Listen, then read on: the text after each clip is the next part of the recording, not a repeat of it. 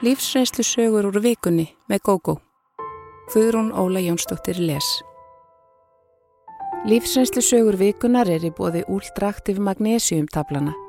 Með úldraktiv magnesiumtöflunum færðu meira út úr deginum, aukna orku, minni vöðvaþreitu og betri svefn. Úldraktiv magnesiumtöflunar fást í öllum helstu apotekum landsins. Þrjú skilir þið. Ég fyltist eldmóði þegar ég las sjálfsræktarbók og fór að reyna að laða til mín tækifæri eins og kent var þar. Ástinn var ofarlega á blaði en ég hefði mátt forma óskir mínar aðeins betur. Ég hafði verið í frekar erfiðu sambandi í tæft ár með manni sem var yðurlega upp á kant við fólk og vissi líka allt miklu betur en aðris. Ég nenni sjálfnast að rýfast og læt þvingað og tilfinningaþrungið andrumsloft ekki koma mér úr jafnvægi en hann reyndi yðurlega að kúa mig með svipriðum og fílu. Liklega hef ég harðan skráp. Oft fæ ég að heyra ég leini á mér að ég virki ljúf og meðfærilegan væri nagliðin við beinið. Vissulega er ég róleg týpa og finnst fátt leiðinlegra en fólk sem blæs upp lítilvægustu atvik og reynir að gera þau dramatísk. Gamli kærastinn minn var þannig. Hann talaði til dæmis ekki við nema lítinn hluta fjölskyldu sinnar.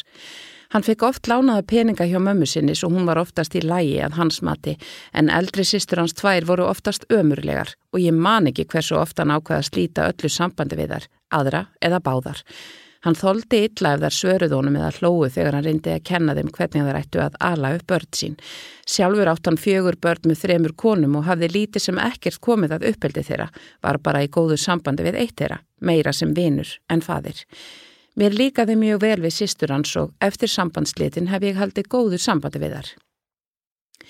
Bókin The Secret var mjög vinsal á þessum tíma og ég gleift hana í mig. Eftir lestur hennar var því nánast uppnuminn og ákvað meðal annars að óska mér kærasta, en hann yrði að uppfylla þrjú skilirði. Minnug fyrri kærasta fannst mér afar mikilvægt að hann væri í góðu sambandi við fjölskyldu sína. Í öðru lægi vildi ég að hann væri vel mentaður og síðasta skilirðið var að hann væri ábyrgur í fjármálum. Sá fyrirverandi var að vísu með ágæta mentun en hitt fendt uppfyldi hann sannlega ekki. Vissulega á þetta skilt við að setja sér markmið en samkvæmt bókinni átti maður að láta alheimin um allt. Mér til ánægu en nokkurar undrunar samt virkaði þetta því innan þryggja mánada var ég komin með þennan líka fína kærasta, Garðar, velmentaðan, ábyrgar í fjármálum og í frábæru sambandi við alla fjölskyldu sína. Fyrstu vikurnar liðu í algjöri sælu og gleði. Ég var nánast flutt til Garðars enda íbúðin hans talsvert stærri en mín. Hann vildi að ég flytti alveg en mér fannst skinsamlegra að halda íbúðinu minni í að minnstakosti ár. Ég leifði sýstur minni að búa þar en leta hana bara borga hálfa leiku því allt ótum mitt var enn þarna. Með tímanum fór ég að setja spurningamerki við sitt af hverju. Garðar átti til að vera svo litið leiðinlegur stundum. Ég hafði greinilega alveg gleimt að byggja um skemmtilegan mann. Hann hló vissulega oft og saði brandara en þeir voru oftast á kostnað annara og grínið var grátt. Hann hló meira að öðrum en með þeim og hjælti í alvöru að það héti að það var svartan húmor. Fyrst í stað vildi ég ekki viðurkenna þetta fyrir sjálfur mér en þegar hann fór að nota grínið sífelt oftar gegn mér gati ég ekki annað. Ég er með freka lítið og svo litið uppbrett nef sem varð skotspót stríðni hans einu sinni. Hann horfi um hríð á mig, spurði svo hvort ég ótaðist ekki að drukna í styrtu með svona upprætt nef og svo trilltist hann úr hlátri. Nefið á mér er ekkert ljótt, bara venjulegt, svo ég var ekkert viðkvæm fyrir þessu. Þegar ég skelli hló með honum, þagnaði hann fljótlega. Kanski ætlaði hann bara að vera anstíkilegur eða sjá hvað hann geti gengið langt. Hann vissi auðvitað ekki að bróður minn heitin hafði verið ansi stríðin og í raun teflonhúðað í okkur móðgunargirnina, eins og sýstir minn orðar það. Þótt ég væri hörkutól með harðan skráp, öllu heldur geðgóð og það ánað með lífið og sjálfa mig til að láta kjánalegan húmor setja mig út af læginu, var ég viðkvæm fyrir einu. Það var elsku stríðni bróður minn sem hafði ánetjast víni og livjum og svift sig lífi rúmlega þrítugur. Ég talaði ekki oft um það og bara einu sinni við gardar þegar við vorum nýbyrjuð að vera saman. En eftir nokkura mánada samband virtist sem gardar hafi átta sig á þessum veikleika mínum og Ef okkur varð sundur orða, náði hann stundum að koma einhverju að sem tengdist bróður mínum óbeint. Hann gaf eitt sinn í skinn, þótt hann segði það ekki beint, að fjölskylda mín væri gölluð, annað en hans fjölskylda, þar sem bróður minn hefði fetað þessa ógjafi braut. Ef börn fengju bara nógu mikla ást og umhyggju, ef fóreldrar hugsuðum um eitthvað annað en sjálfa sig, til dæmis börnin, gerðu eitthvað með þeim, veittu þeim almennilegan stöðning og annað slíkt, færu börn aldrei út í rugl. Ég spurði á móti, Ef til dæmis fóreldrar mínir væri svona lélegir, af hverju hefði okkur sýstrunum gengið svona vel í lífinu? Þá fikk ég bara íbyggið augnaráð tilbaka. Ég skildi lengi vel ekki þessa auknu þörfans fyrir að vilja særa mig eða koma mér úr jafnvægi. Hann spurði mig nokkur um sinnum ef ég fekk mér aftur á matardiskin, heldur að þú hafi gott af þessu? Ég er frekar grönn, en þegar hann sagði þetta fyrst fór ég að hugsa um hvort ég hefði fitnað, sem var ekki. Ég fór að svara fullum hálsi. Já, ég hef gott af þessu. Passaðu bara upp á sjálfa mig. Þetta var lúmst hjá honum, en ég leta hann ekki sjá hvað þetta pyrraði mig. Yfirleitt var Garðar mjög indæll en það var eins og þörfans fyrir að vera anstíkilegur ykist. Ég var orðin mjög óvissum tilfinningar mínar til hans því mér fannst þetta ekki vera sami maðurinn og í upphafi. Eitt lögataskvöldið ákvöðum við að fara út að skemmt okkur. Óvænt rakst ég á gamla skólasýstur og það urðu fagnaðar fundir. Þegar ég kynnt hana fyrir gardari tók ég eftir því að þau urðu bæði svo liti skrítin eins og þau þekktust. Við gardar fórum síðan fljótlega á pöpparöld og ég kvatti gömlu vinkonuna með lovorði um að vera í sambandi. Þegar við komum heim um nóttina saði gardar mér að hún væri vinkona fyrirverandi kærustu hans, konu sem hefði verið lígin og ómerkileg. Þetta vakti forvitni mína, svo ég ákvaða að tala við gömlu vinkonu mína og spyrjast fyrir um gömlu kærustuna, án þess að gardar vissi. Þegar hann sagði hann að ligna grunaði mig um að hann væri að tryggja það að ég triði engu sem ég geti mögulega henni. Ég ringdi nokkrum dögum setna og bað vinkonuna um að hitta mig á kaffihúsi. Hún var til í það og við áttum gott spjall. Ég sagði henni eins og var að ég væri forvitin um samband Garðars og vinkonu hennars. Samband mitt við hann væri í andarslitrunum. Hann hefði breyst svo mikið til eins verra. Skólasistir mín sagðist ekki vilja bregðast trúnaði vinkonu sinnar en hún kannadist við þessa lýsingu. Garðar hefði verið frábær fyrst en þegar hann varð örugar um hana og þau komin í sambúð hefði hann sínt á sér ansist læmar hliðar. Vinkonan hefði komið afarbrotin út úr tveggja ára sambandinu. Meira sáð hún ekki en þetta nægði. Þegar ég sleitt sambandinu nokkrum dögum setna var ég hreinskilin, sagði að það gæfi mér enga gleði lengur og það að verða stöðugt fyrir ómaglegri gaggrinni og árásum hefði drepið alla ást. Garða reyndi að malda í móin, saðist hafa svo svartan húmor, en ég gaf mig ekki. Þetta væri ekki húmor, heldur andlegt ofbeldi. Ef það er stöðugt hamast í manni, hlýtur eitt hvað að gefa sig og sama hversu andlega sterkur maður er, hefur engin gott af látlausi stríðni og gaggrinni. Bara það hvernig að notaði örlög bróður mín sagði svo margt. Verst fyrir hann hvað ég var að mörguleiti ónæm fyrir húmórnum hans og hlóð þegar hann reyndi að grínast með útlitt mitt. Hvaða furðulega þörf er það annars sem fær fólk til að vilja særa elskuna sína og reyna brjótana niður? Svona eftir á að higgja fannst mér margt í kringum þetta frekar fyndið, auðvitað fyrir utan andlega ofbeldið. Ég fjekk vissulega það sem ég bað almættið um en ekkert meira en það. Óþægilegur aðdáandi Ég bjó árum saman í frekar stórum kaupstað á landsbyðinni með manninu mínum. Dætur okkar voru uppkomnar og svo yngri tiltölulega nýfluttað heiman þegar ég egnaðist aðdáanda, mann sem let mig ekki í friði. Maðurinn minn er sjómaður svo ég hef alltaf verið mikið ein með dætrunum og þurft að sjá um flesta hluti. Það var alltaf háti þegar hann kom í land. Vinkona mín vorkin er mér óurlega mikið að vera gift sjómanni, en ég er ekki í vafa um að hjónaband mitt er ekki síður hamingisamt en hennar, ef ekki hreinlega betra. Ég veit að fjárvistir auka ekki alltaf ástina, en hjá okkur er það þannig. Ég vinn sjálfstækt heima og eftir að yngri stelpan okkar flutti að heiman ákvað ég að leifa mér ekki að kóðuna niður í leiðindu mínum. Það var alltaf mikið lífi í húsinu en nú var ég svo mikið eindar. Ég fór að stunda líkamsrækt í Íþróttahúsi skamt frá heimili mínu og gerðist sjálfbóðaliði hjá góðgerðarfélagi. Einnig hitti ég vinkonur mína reglulega, fór á tónleika, út að borða og annað slíkt og hafði í raun nóg fyrir stafni. Báðar dæturnar búa í Reykjavík. Við spjöllum nánast daglega saman í síma og ég reyni að heimsækja það reglulega. Um það byrj mánuði eftir að ég byrjaði í rættinni fór ég að taka eftir manni sem horfi mjög stíft á mig. Ég brosti kurtislega til hans og helt svo áfram að taka á í tækunum. Hann brosti mjög flýrulega á móti sem allir mér óþægindum svo ég reyndi að láta sem ég tæki ekki eftir honum. Í næsta skipti reyndi hann að spjalla við mig en ég saðist ekki hafa tíma og setti tónlistina aftur í eirun. Ég var ekki leiðinleg við hann en ég gaf honum ekkert færi á mér. Samt held hann áfram að stara á mig. Ég fór að sjá hann víðar enn í rættinni og alltaf ég sama áfergjulega og óþægilega augnaráðið frá honum. Mér fannst orðið skrítið að hann skildi alltaf vera á sama tíma og ég er rættinni því ég fór að mismunandi tímum svo ég var farin að halda að hann fyldist með mér. Bærin er það stóra maður þekkir ekki næstum því alla og þegar ég sagði vinkonu minni frá honum kannadist hún heldur ekki við hann. Ég ákvaðað ángra eiginmannin og dæturnar ekki með þessu og þagði um þetta. Eitt daginn eftir æfingu ákvað ég að býða á bílastæðinu eftir að maðurinn færi til að ég sæi ákveðning bílan væri. Mér fannst ég verða að vita það ef hann eldi mig. Jú, hann kom fljótlega út og skimaði í kringum sig án þess þó að sjá mig og settist síðan upp í bláan fólksbíl þá vissi ég það.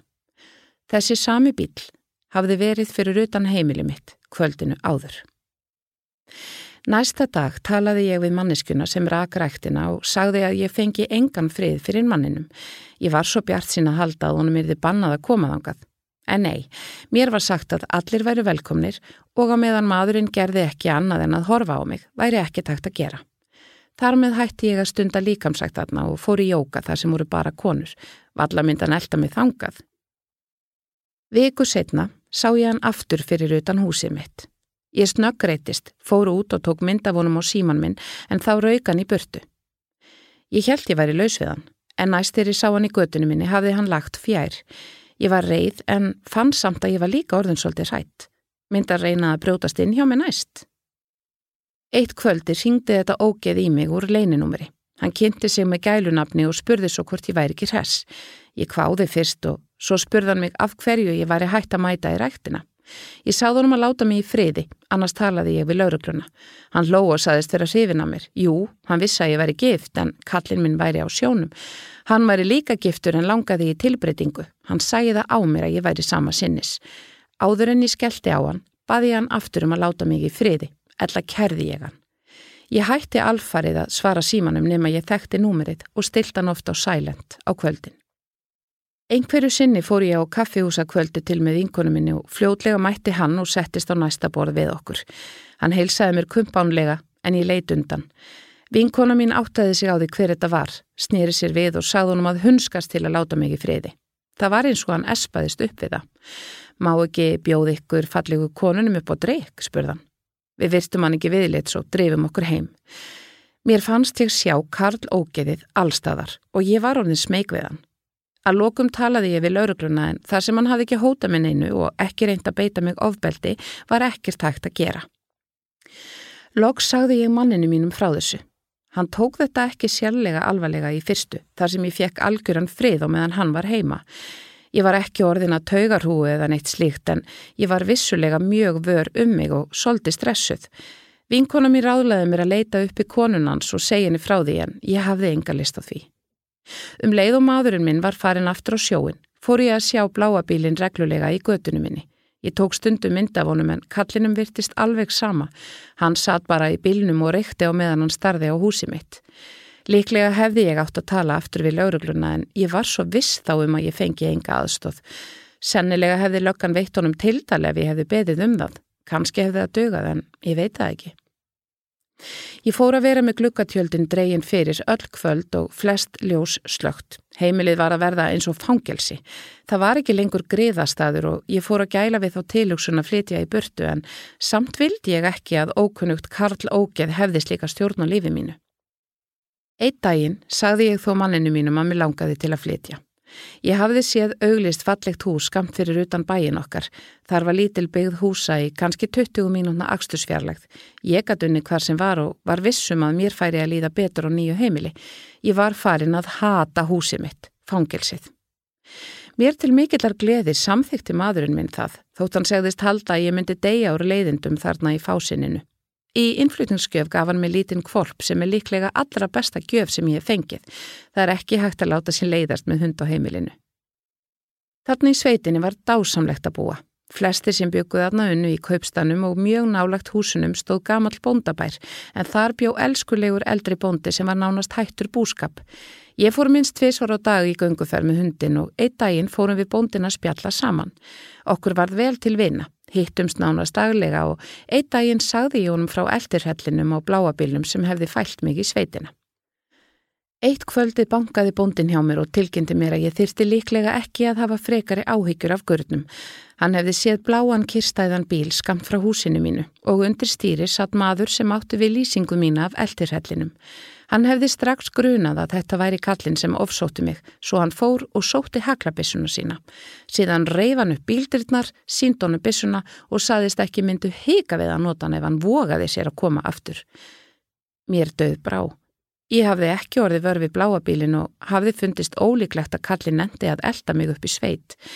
Ég var bóndanum mjög þakklátt þótt ég setti svo liti spurningamerki við bissuna. Haglabissan var óhlaðin og bóndin með leiði fyrir henni en hún dögði á kallin sem létt sér hverfa. Ég hef allavega ekki séða núna í bráðum tvö ár. Hann þurfti greinilega svona hörkulegt tiltal. Mér líður óbúslega vel í sveitinni og mér langar ekki að fara þaðan. Að láta reyka sig út af heimili sínu er auðvitað alls ekki í lægi en það var þó til þess að ég bý á þessum dásamlega stað með náttúruna allt í kring og fína nágrana. Eini sonurinn Móður mín hjælt afar mikið upp á bróður minn. Svo mikið að hún viðurkendi eitt sinn þegar hún ótaði stumman og var í mikillig geðsræringu að hún vildi frekar missa eina af okkur sístrunum en enga sonin. Við erum fimm sískinin og nonni bróðir eini strákurinn, næst yngstur. Við áttum heima í fremur litlu sjávarplási þar sem nánast allir þekktu alla. Þrátt fyrir að vera eftirlætið hennar mömmu var nonni góður og ljúfur krakki. Hann var sérlega góður við litlu sístur eða yngstu sísturina sem var tæpum tveimur árum yngri en hann og þau tvö voru óaðskiljanlegir leikfélagar. Við vorum samrind sískinin og stóðum saman. Ég þakka pappa það, fyrst og fremst. Hann lagði mikið upp úr því að við værum öll góðir vinir og hann gerði ekki upp á milli okkar eins og mamma. Svona eftir á að higgja. Sínd okkur sýstrunu meira eftirlæti. Kanski til að bæta fyrir framkomi mömmu. Því miður skildu fóreldrar mínir þegar ég var að verða 12 ára. Þá voru yngstu sískinin þryggja og 5 ára. Á þeim tíma var algengast að börn yrðu eftir hjá móður og ekki alltaf um reglulega umgengni við föður að ræða. Pappi flutti í annan bæs og við sáum hann ánast aldrei fyrstu tvö árin eða þar til hann eignaðist nýja konu. Hann sendi okkur flottar gafir þegar við áttum afmæli og kom í eigin personu með jólagjafirnar og þorlagsmessu en það hjælt hann jólinn hjá föðurömmu okkar þar til hann fór að búa með setnikonunni sinni og bauð þá ömmu að halda jólinn með þeim. Nýja konunars pappa var mjög fín en þau pappi drukku frekar mikið um helgar svo við sískinin vorum ekkert sérlega spennt að heimsækja þau og gista þegar það fór að standa til bóða. Stjúpa mín vildi endilega að við værum í góðu sambandi við pappa. Mamma var lengi hatursfull út í hann og fyrirleit konunans þótt hún hefði aldrei séð hana. Hún reyndi stundum að tala okkur ofan að því að fara til hans en hún bannaði það ekki. Lífið gekk sinn vanagang og þótt við söknuðum pappa urðu vinitinn smám saman miklu merkilegri og mikilvægari en foreldrar hjá okkur þremur eldstu og strákarnir í skólanum urðu miklu meira spennandi en það að gista heima hjá pappa. Samt fekk hann gelgjurna sínar annarslægið í heimsó. Nonni og litla sýstir sóttu mikið í að heimsækja tvær miðaldra sýstur sem byggu í húsinu við hliðina á okkur. Þær voru einstaklega góðar, sérstaklega við nonna og gafu honum oft salgeti og gjafir. Þær prjónuðu á hann flottar peysur og létu eins og hann væri heittelskað barn eða barnabart þeirra og miklu merkilegur en við sýsturnar. Hvorug þeirra hafði gifst eða eignast börn og nú beindist öll móður ástinn að nonna.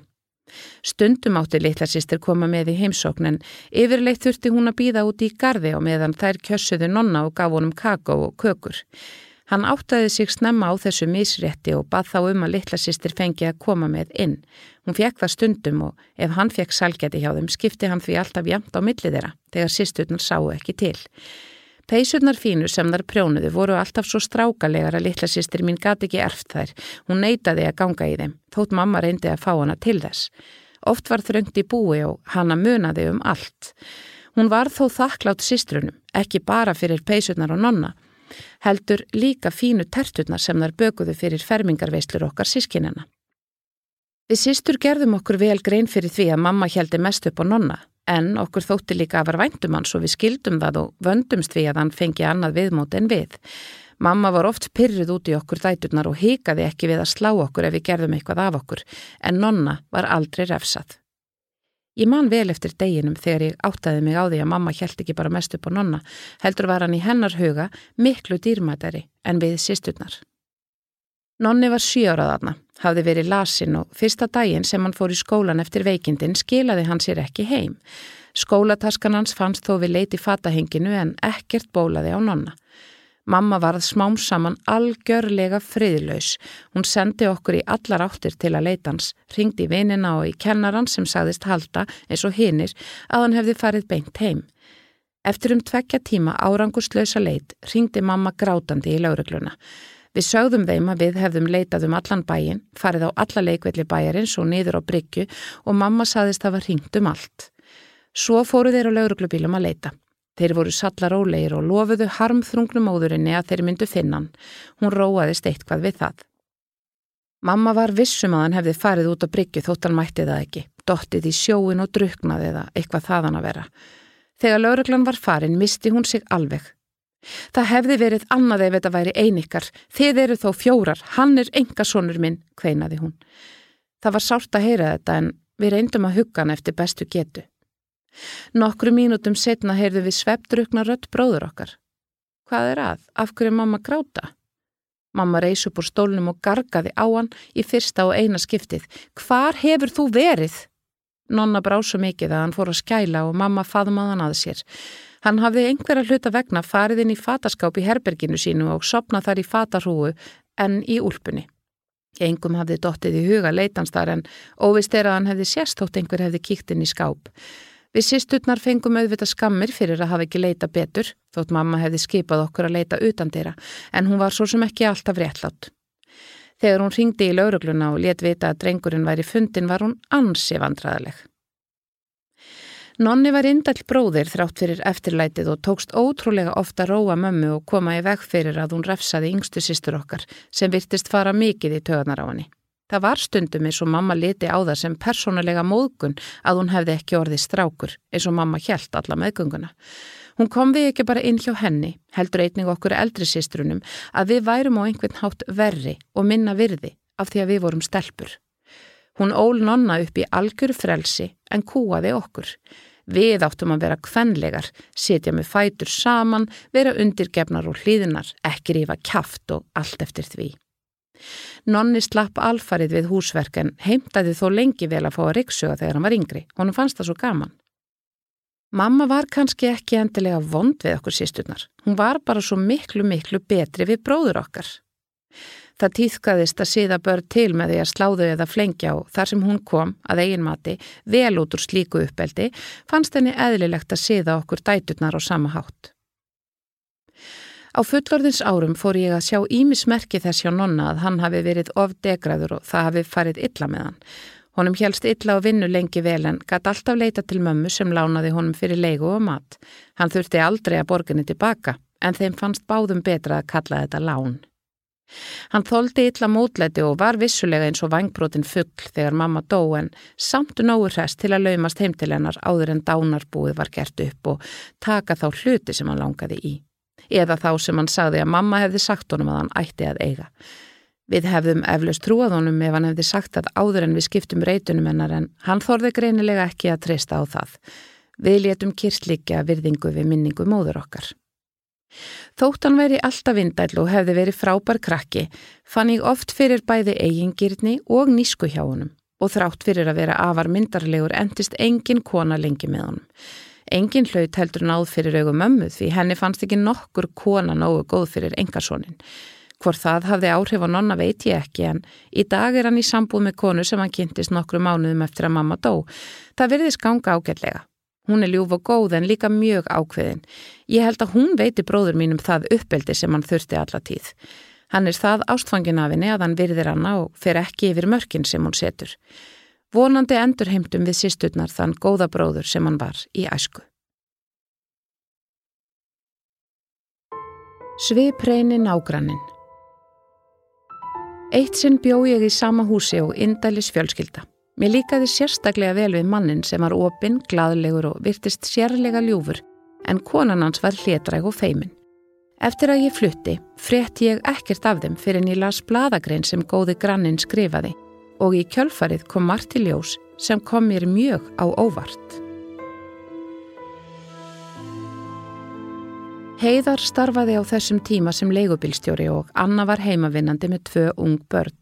Við byggum í þrýbilishúsi, þau á efstuhæð og ég á jarðhæð á samt ungum sinni mínum, svo ég varð svo sem ekki mikið vörfiðu nema rétt þegar við mættumst í steganum eða í þottahúsinu. Húsegandin, Ingun, bjóða miðhæðinni. Kona um sextugt sem mér þótti mjög væntum. Hún hafði aldrei gifst eða eignast börn og sagðist njóta þess að hafa barnafólki kringum sig. Þar sem leigan var mjög sangjör tókst mér á þessum árum sem ég bjóð þarna að sapna mér fyrir útborgunni íbúð. Heiðar og Anna bygguð þarna síðasta árið mitt og fluttu í burtu skömmu og eftir mér. Hjónin voru brósmild, sérstaklega heiðar. Börnin svo hlýðun og góða ég var nánast öfundsjúk fyrir sonur minn var stundum helst til of uppáttækja samur. Eitt sinn var ég sein fyrir, hafði sofið yfir mig og því ekki farin út og var að koma sininum á fætur. Þá heyrði ég einhver læti fram mig og rött sem ég þekkti ekki segja eitthvað niðurbældri röttu sem hrætti mig. Ég reyf upp dyrnar og kallaði halló. Ég fekk hveði á móti. Þetta hafði verið heiðar að koma niður stigan með eldrabarnið. Hann var brosandi að vanda en barnið ekki. Bæði börnan slíktust móðurinn í fasi, voru feimin og lókuð. Heiðar hafði eflaust verið að síða barni til og með dyr og milli gætu röttin hafa bjagast eitthvað. Svona grimdaleg hljóð gætu ekki komið frá heiðari, hugsaði ég.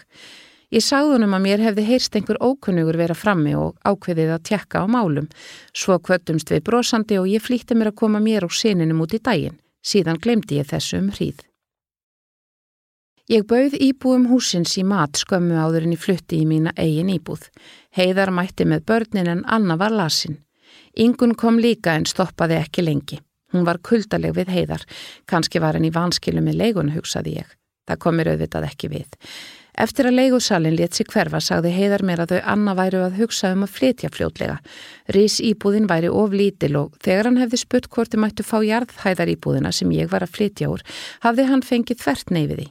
Heiðar sagði að honum hefði vist yngun svo indæl en hún hefði breyst upp á síðkastið.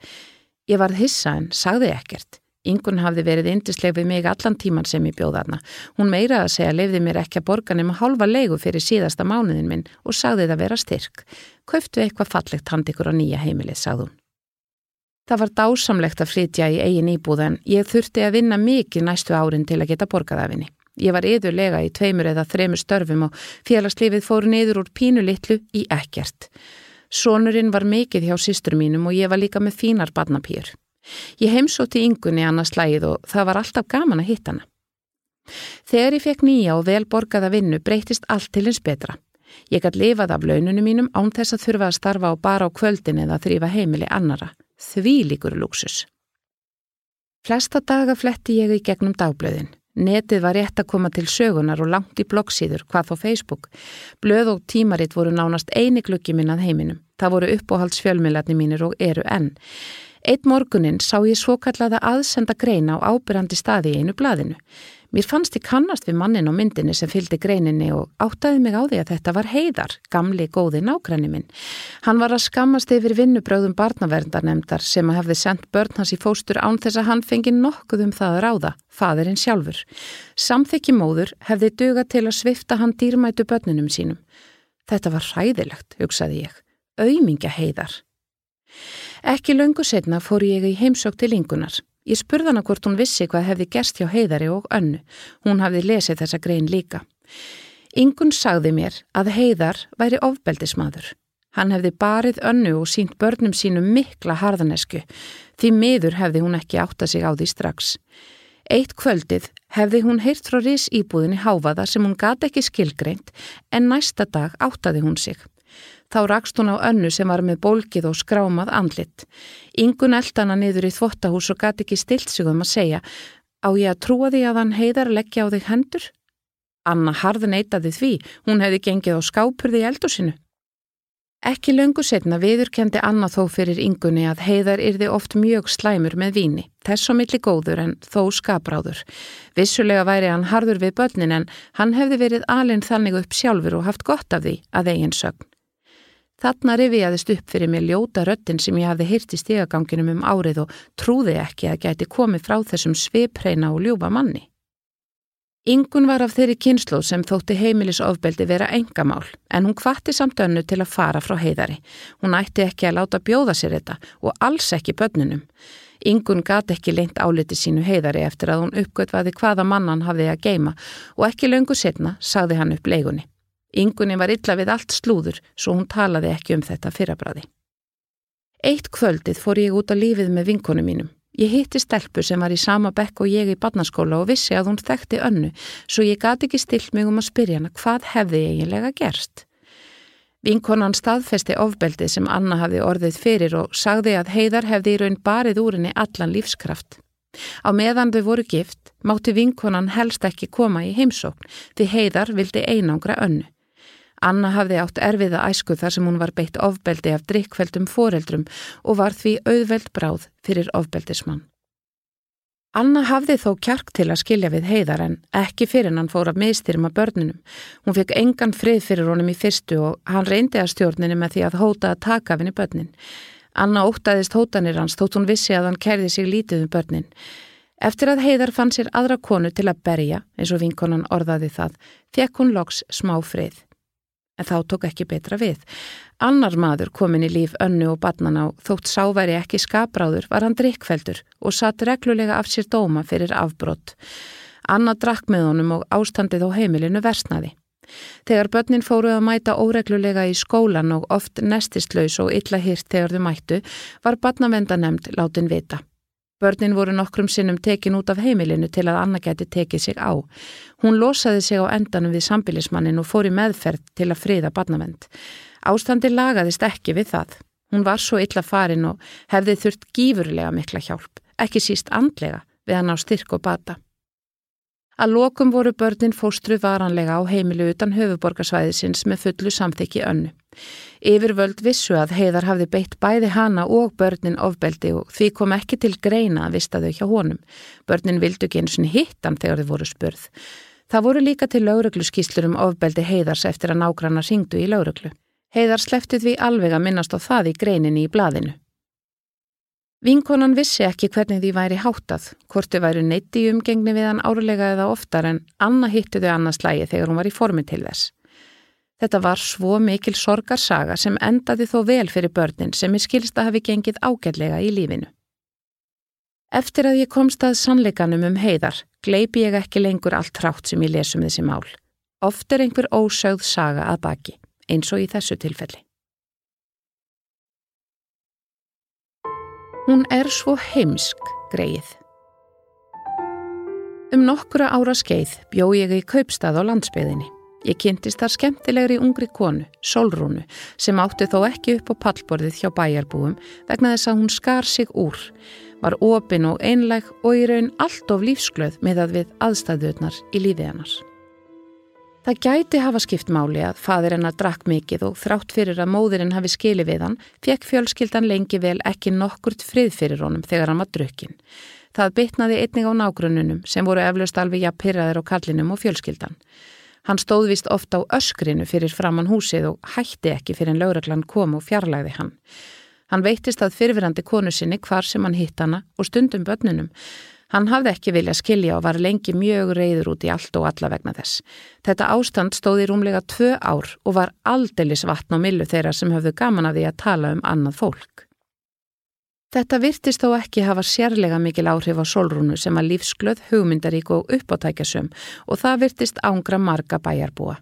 Það þóttir hreinlega ekki við hæfi að hún væri alltaf svona kátt.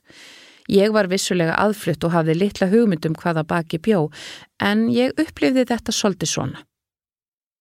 Solrún var mjög skapandi. Gekki leikfélagið á staðnum aðeins 17 ára og leik með þeim í nokkur ár. Hún málaði á steina og seldi í litlu galleríi. Ég kefti einn og hann stendur enn upp í hillu hjá mér í vinnuherberginu mínu. Við Solrún urðum kannski ekki beint vinkonur Til þess var of mikill aldursmunur á okkur, en við vorum fínar kunningakonur og spjalluðu mikið saman þegar við hittumst. Ég var eina fáum þarna sem gerði það. Yfirleitt var hún hunsuð. Kanski áttaði Solrún sig á þessu, kannski ekki. Hún talaði aldrei um það.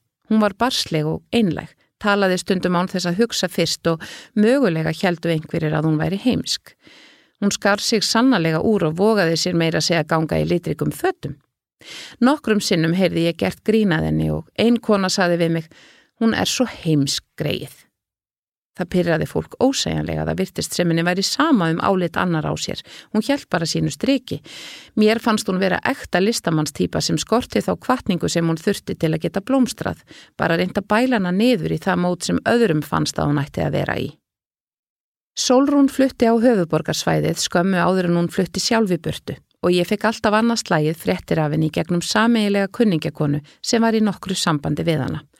Við hittum slíka tvísvar þrísvar á förnum vegi. Þá skiptumst við á fréttum hvora vannari. Hún egnaðist góðan mann og egnaðist dóttur með honum. Þegar dótturinn var að verða þryggjára skildu þau og svo litla varð eftir hjá föður sínum.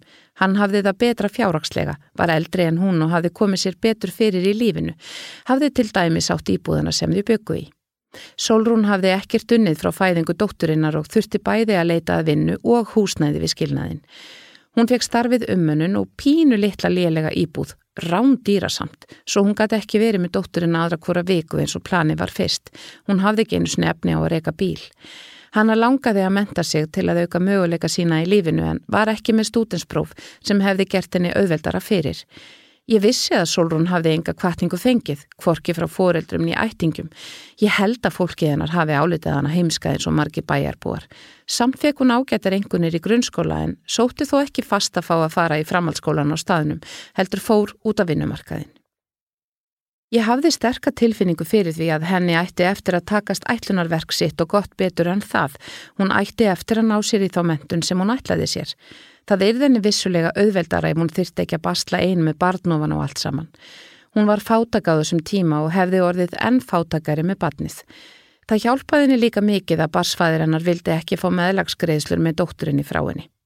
Það var ekkert hatur eða heift við skilnaðin og aðeins hugsaðum það sem var barninu fyrir bestu.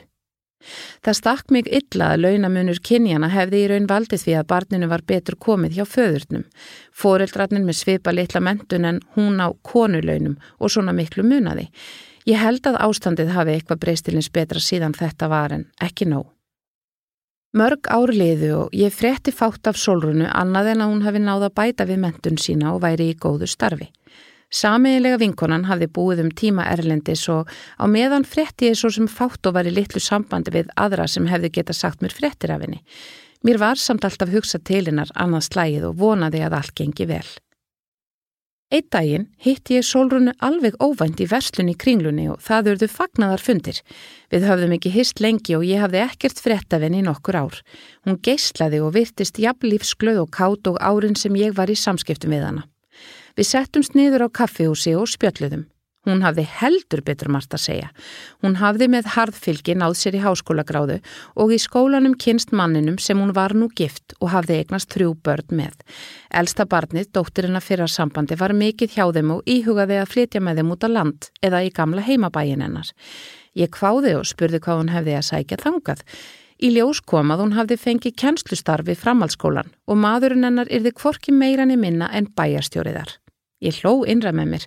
Mikið fannst mér þetta gott að þá bæjarbúa sem höfðu komið illa fram við hana, talað illa um hana, sagt hana heimska og gert grínaðinni. Nú ættu þeir ekki svo auðvelt með það. Hún er því kennar í badna þeirra eða badnabadna og auk þess bæjarstjórafrúin. Auðvitað hefði verið þúsund sinnum skemmtilegra ef hún hefði orðið bæjarstjórun á staðinu en þetta var samt flott. Solrún talaði ekkert um fortíðina, saði bara að það hefði verið mjög vel tekið á mótið þeim þarna og hún væri afskaplega ánað að vera komin aftur heim. Þarna átti hún bæði móður og bróður sem gaman væri að hitta oftar. Hún hafði aldrei hætt alveg að mála og farið á nokkur námskeið í myndlist. Á nýja heimilinu er þið pláss fyrir vinnustofu og hún var mjög spenti fyrir því. Solrún hafði aldrei minnst á anstíkilega framkomi bæjarbúa við mig áður svo ég gati ekki sagt henni hversu gott mér fyndist á þá að hún snýri aftur með svona glæsilegum hætti.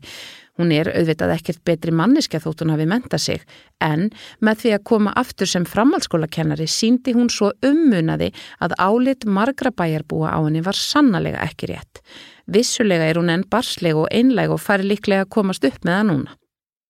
Hjónin fluttu í fínasta einbílishús og komu sér vel fyrir.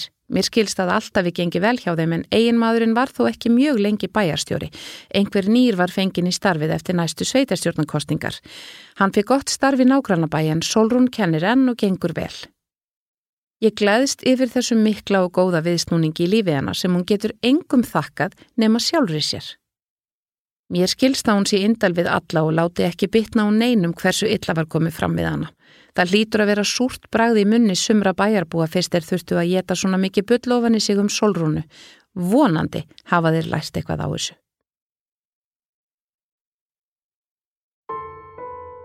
Þú varst að hlusta á lífsreynslusögur úr vikunni með GóGó í lestri Guðrúnar Óli Jónsdóttur og framleiðslu Storysight árið 2020. Höfundaréttur Vikan.